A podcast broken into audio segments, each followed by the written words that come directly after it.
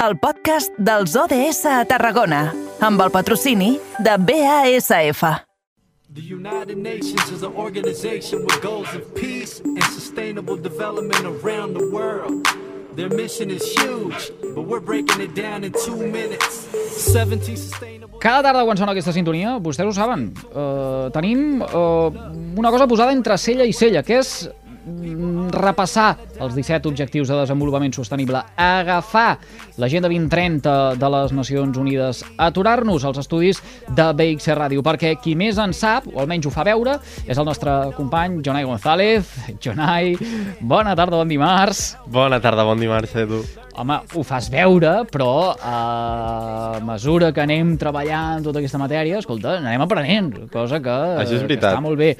I, I està molt bé que n'aprenguem d'altres, i, que- i que n'aprengui tothom, perquè al final el que perseguim eh, és eh, això, eh, insistir en el dia a dia de les persones, en l'actitud, en la forma d'actuar, en l'hora d'implementar aquests objectius de desenvolupament sostenible.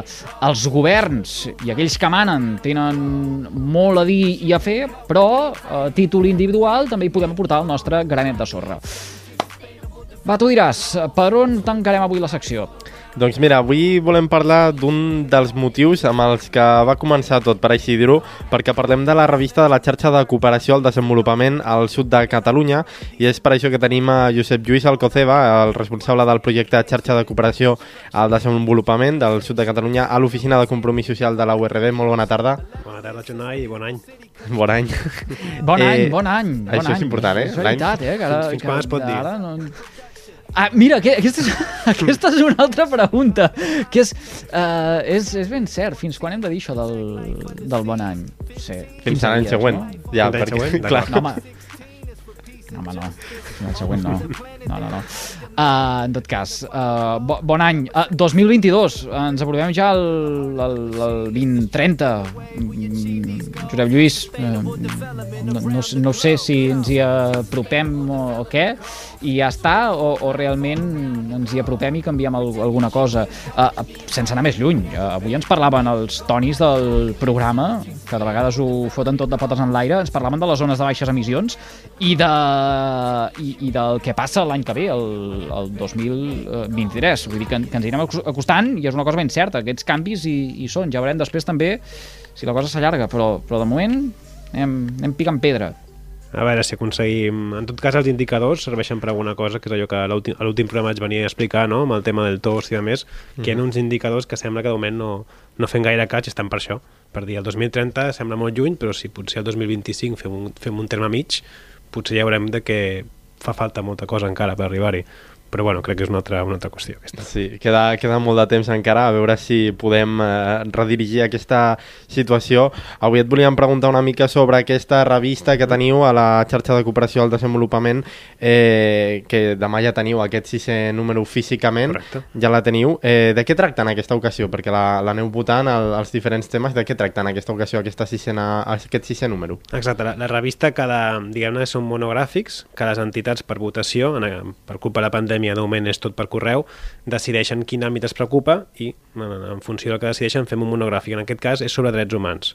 Vale, hem agafat 16 col·laboradors, això vol dir que tenim 16 perspectives de com tractar els drets humans, de desarmament, medi ambient, pau, tot com afecten els drets humans de forma transversal a cadascun d'aquests àmbits. Uh -huh. Els 16 col·laboradors, per així dir-ho, són un, per exemple, de cada objectiu o no, té res a veure? No, no, no, al contrari, el perfil que hem buscat és l'origen d'aquesta veu. És a dir, tenim des de cooperatives fins a ONGDs, fins a gent del món de l'acadèmia, fins a empresa privada.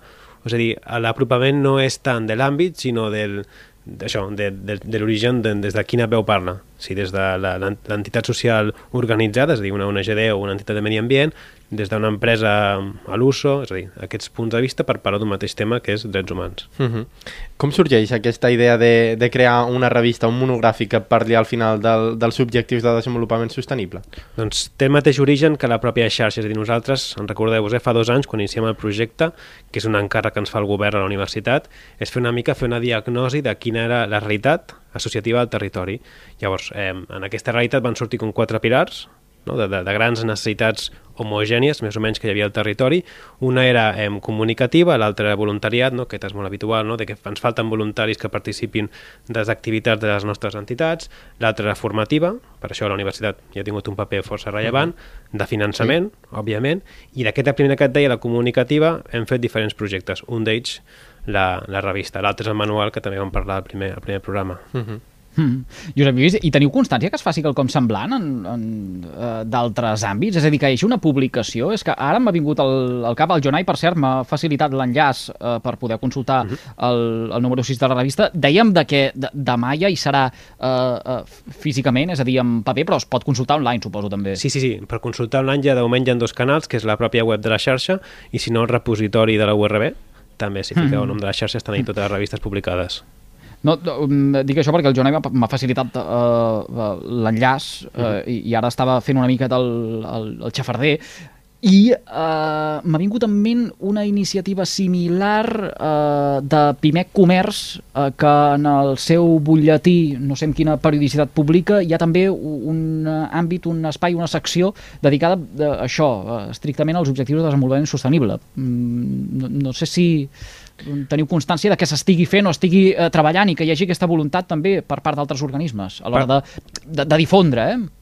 Segur, sí, personalment no, no coneixia aquesta altra publicació. El que sí que és cert que les entitats ens diuen que aquest enfoc, és a dir, parlar dels ODS des, d'un punt de vista periodístic, segur que ho fan molts agents.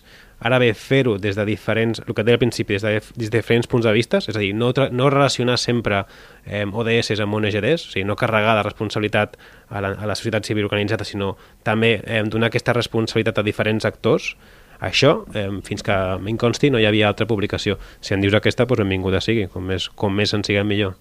-huh. Justament t'anava a preguntar una mica sobre, sobre això, quin és eh, l'objectiu de, de la revista i a qui va dirigida. Entenc que aquesta revista també el que fa és mm, donar un enfoc que no donem habitualment, Clar. que generalment sempre, eh, el que dèiem en el, algun dia, no? sempre la culpa és generalment dels ciutadans, però també eh, mirar aquí de, de fer que les empreses també entrin en el, en el joc. És això, és, és el gran debat, no? de que això també ho hem un cop, no? de que el sector privat sembla que no, pugui participar en, en aquest tipus d'escenaris i precisament sense, sense l'empresa privada, ja sigui en forma de cooperativa o de l'empresa més tradicional, poc sentit tindria no? parlar d'uns objectius que que, ens, que, ens, que ens apela a tots, dir, perquè és una realitat molt, molt evident i fins i tot en l'enfoc de revista, evidentment, hem anat evolucionant. És a dir, aquesta per nosaltres és la millor revista que hem publicat, la sisena. És una llàstima que demà surti impresa perquè m'hagués agradat portar-la, però el format és molt més petitó que les anteriors, perquè hem vist que alguna entitat se'ns queixava de que eren poc portables, perquè era un DIN A4, l'hem fet més petita, hem eliminat publicitat per anar directament al contingut. Vull dir que el nostre objectiu és anar professionalitzat professionalitzant l'enfoc que fem a uns continguts que per desgràcia encara avui es tracta una mica des del bonisme, no? Des ODS és algú de, mm -hmm. d'ONGDs i des del bonisme. Intentem professionalitzar-ho en l'enfoc i en com tractem els continguts. Mm -hmm. Home, gràficament eh, trau moltíssim. Jo ara mateix, per exemple, estava fent una lectura així en diagonal de, de dades eh, sobre una anàlisi de la banca armada espanyola mm -hmm. i el finançament de les armes a la guerra del Iemen. Eh, I la veritat és que és molt cridaner, sí. amb unes gràfiques sí. eh, en, molt visuals, en què eh, això, amb una simple lectura en diagonal et pots fer una idea uh, de del que, del, del, del que tracta, del, del contingut i sobretot del missatge que hi ha al darrere de tot és, això. És això. Eh, així a través del disseny aconseguim bueno, el que a tu ara mateix t'ha trigat l'atenció, no? que és del centre de l'AS, aquest article, i tu que t'aturis aquí, per algun motiu per altre, en aquest cas el disseny, i que puguis fer aquesta lectura ni que sigui en diagonal. En aquest sentit, deixa'm agrair també la feina del David Olieta i del Marc Volpini, que són el dissenyador i l'il·lustrador, respectivament, que estan al darrere des del primer dia i que sense ells això pues, seria impossible. També. Uh -huh. El centre de l'AS, que per cert el vam entrevistar aquí, eh? també a la, ah, amb sí. la banca armada. Parlant també una mica de les terceres jornades de la xarxa de cooperació per al desenvolupament que es fan a l'Alba Magna aquest dijous a la, a la URB, una mica, explica'ns una mica de què tracten aquestes jornades. Val.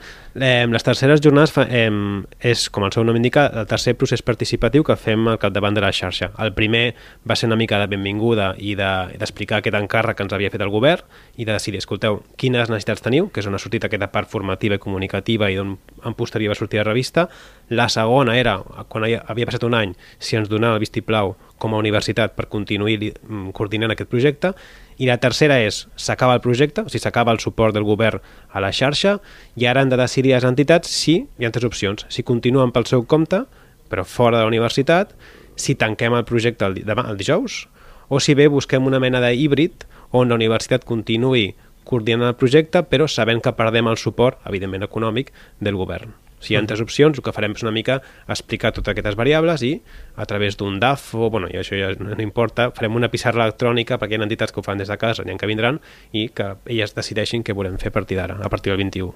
Mhm. A partir de, de dijous s'acaba sí o sí. Sí. I llavors a partir d'aquí és el que es posarà en marxa el que decideixen les entitats i les empreses a, a l'aula magna, no? Correcte, és, és l'encàrrec que ens ha fet el govern, que siguin les entitats, han tingut dos anys per dur tot aquest procés de- d'empoderament i d'enfortiment del territori. Hi ha moltes entitats que s'han conegut a través de la xarxa.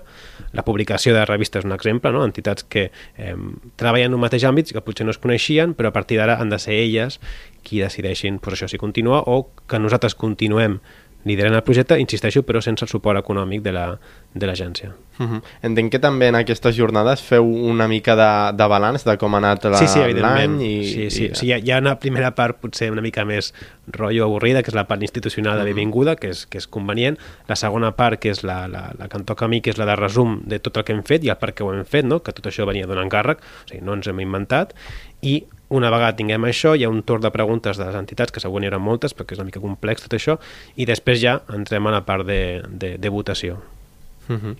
eh, per, què, per què són tan, tan especials aquestes jornades i concretament aquestes? Perquè, clar, marquen un, un abans i un després, entenc, pel, pel territori, sobretot. Clar, eh, o sigui, són molt importants justament perquè exacte, decidim la continuïtat de, del projecte. És a dir, jo mateix personalment no estic molt a favor a fer-ho amb una votació eh, tan disruptiva. Hagués preferit tenir més temps per poder acompanyar tot aquest procés, però en tot cas són importants perquè en funció del que es decideixi el dijous eh, això s'acaba. Eh, no hi ha més revistes, no hi ha més publicacions no hi ha més treball en xarxa, que no crec que passi insisteixo, jo crec que acabarem trobant un segur una solució híbrida perquè no interessa cap de les tres parts, ni el govern que durant dos anys ha dipositat la confiança a la universitat a través de recursos econòmics, ni la mateixa universitat, ni sobretot a les entitats que han vist un canal en el qual interlocutar de forma més directa amb el govern, inclús de conèixer entre, entre elles. Insisteixo mm -hmm. que el manual dels ODS és un exemple d'aquest treball en equip. De fet, jo et volia preguntar, eh, Josep Lluís, Sí. eh, què és el que et diu l'olfacte que acabarà votant, la, la, que, el, que es acabarà eh, decidint? Parlaves, doncs, d'aquest sistema eh, híbrid. Sí. Això què comporta? Què comporta eh, la gran pregunta. Eh, el model híbrid significa això, eh? és a dir, que la universitat continua exercint aquest paper de, aquest paper de coordinació de la, de la xarxa i el que comporta de forma directa sembla que comportarà que el govern deixarà de donar suport, o sigui, l'agència catalana ens seguirà donant suport econòmic al, al projecte. Llavors, què implica això? Doncs que els recursos econòmics que costava fer la revista, per exemple, o altres coses que hem fet, com les formacions, doncs la universitat haurà de decidir, i aquí sí que jo no puc decidir eh, l'equip de govern què voldrà fer. -huh. O sigui, que podria Però, ser... però vaja, que, que, que, que, que hi haurà d'haver un esforç econòmic que si no ve d'una banda i el projecte Exacte. continua haurà de venir d'un altre cantó eh, i, i aquí ja serà fruit de, de si hi ha un pressupost per part de la universitat Exacte. o la, o la imaginació no Exacte, sé, o ser molt porta, creatius.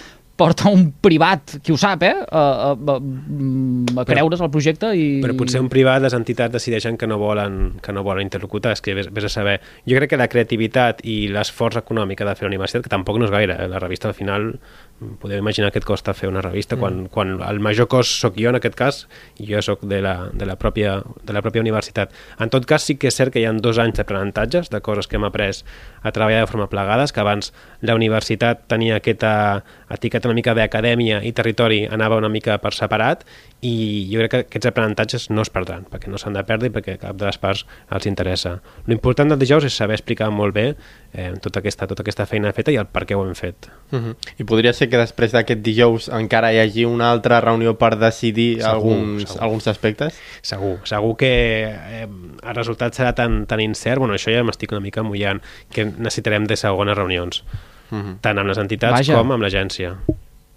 Això és com aquelles, aquelles assemblees que hi ha empats de... Passa, No, eh, a això no. vegades, eh? I- No, però jo no m'imagino un resultat eh, que sigui totalment binari de el 100% de les entitats o el 90 i pico per cent han decidit això. jo crec que hi haurà tal heterogeneïtat ja d'entitats i del territori que això es plasmarà amb, amb aquest informe final. Crec, crec Mm. vull, vull pensar, eh? Eh, Dèiem que, dèiem que les jornades són uh, dijous. Uh, Ah, sí. en, quin horari? Ho, ho dic més que res per estar també a la guai nosaltres. I Les jornades explicar. són de, de 6 a 8 i mitja, el dijous, el dijous a la tarda, i es poden seguir també en format virtual. Eh? Nosaltres ja hem reservat una aula molt gran, exageradament gran, per tot el tema Covid, perquè volem, creiem que un procés participatiu és més favorable o és més amigable fer-ho eh, presencialment. Tot i així, evidentment, hi ha entitats que són de, pues això, de Terres de l'Ebre, de, de, de zones de fora de la ciutat de Tarragona, on els, els hem de facilitar que puguin participar des de, des de casa. Però sí, sí, recomano seguir-ho. Jo calculo que a partir de les 6 i mitja, 6.35, quan ja, ja haguem ac- acabat aquesta part més de benvinguda institucional, ja començarem el que és la tralla, que és la, la presentació del projecte i el procés participatiu. Escolta, uh, fem una cosa. Uh, uh, de cara al divendres, et, et podem fer un truc I tant. i ens fa 5 cèntims de, de com ha anat, ja que va- vam agafar també nosaltres el compromís de eh, tenir-vos com a referència aquí a, a casa nostra a l'hora de vestir aquesta temporada en el marc d'aquest espai dels, dels ODS. Doncs uh, quedem així, eh? Uh, Jonai, uh, trucada telefònica per conèixer una miqueta què és el que uh, s'ha decidit. Abans no marxis, Josep Lluís, sí. uh, com que ets una mica ja de la una mica bastant de la, de la família i recorrem a tu cada cert temps, uh, deixa'm va que traslladi uh, la dicotomia del nostre oient més fidel, que cada setmana ens llança una pregunta perquè anem fent a tots els nostres uh, convidats i, i col·laboradors. Aquesta setmana ens pregunta si som més d'imatge o bé de paraula. Uh, tu cap on te decantes? Imatge. Diu sempre que no s'hi valen, que, que no valen mitges tintes. Uh, tu diràs. Tot tendeix cap a anar cap a la imatge. Som d'impacte, d'impacte a través del disseny, a través d'una il·lustració, a través d'imatge. Seguríssim. Vinga, doncs. Avui hem recollit un parell d'opinions, eh, una que es decanta per la imatge i una altra que es decanta per, per, la, per la paraula. Està bé anar... No vol dir que estigui d'acord o molt a favor, eh? però que ens anem cap aquí segur. A final de setmana veurem a veure que, de què és partidària la gent del Camp de Tarragona. Josep Lluís, agraïts que un cop més ens hagis visitat, que vagi molt bé el dijous Gràcies. eh, i este- estem en contacte. El divendres parlem. Perfecte, moltes gràcies.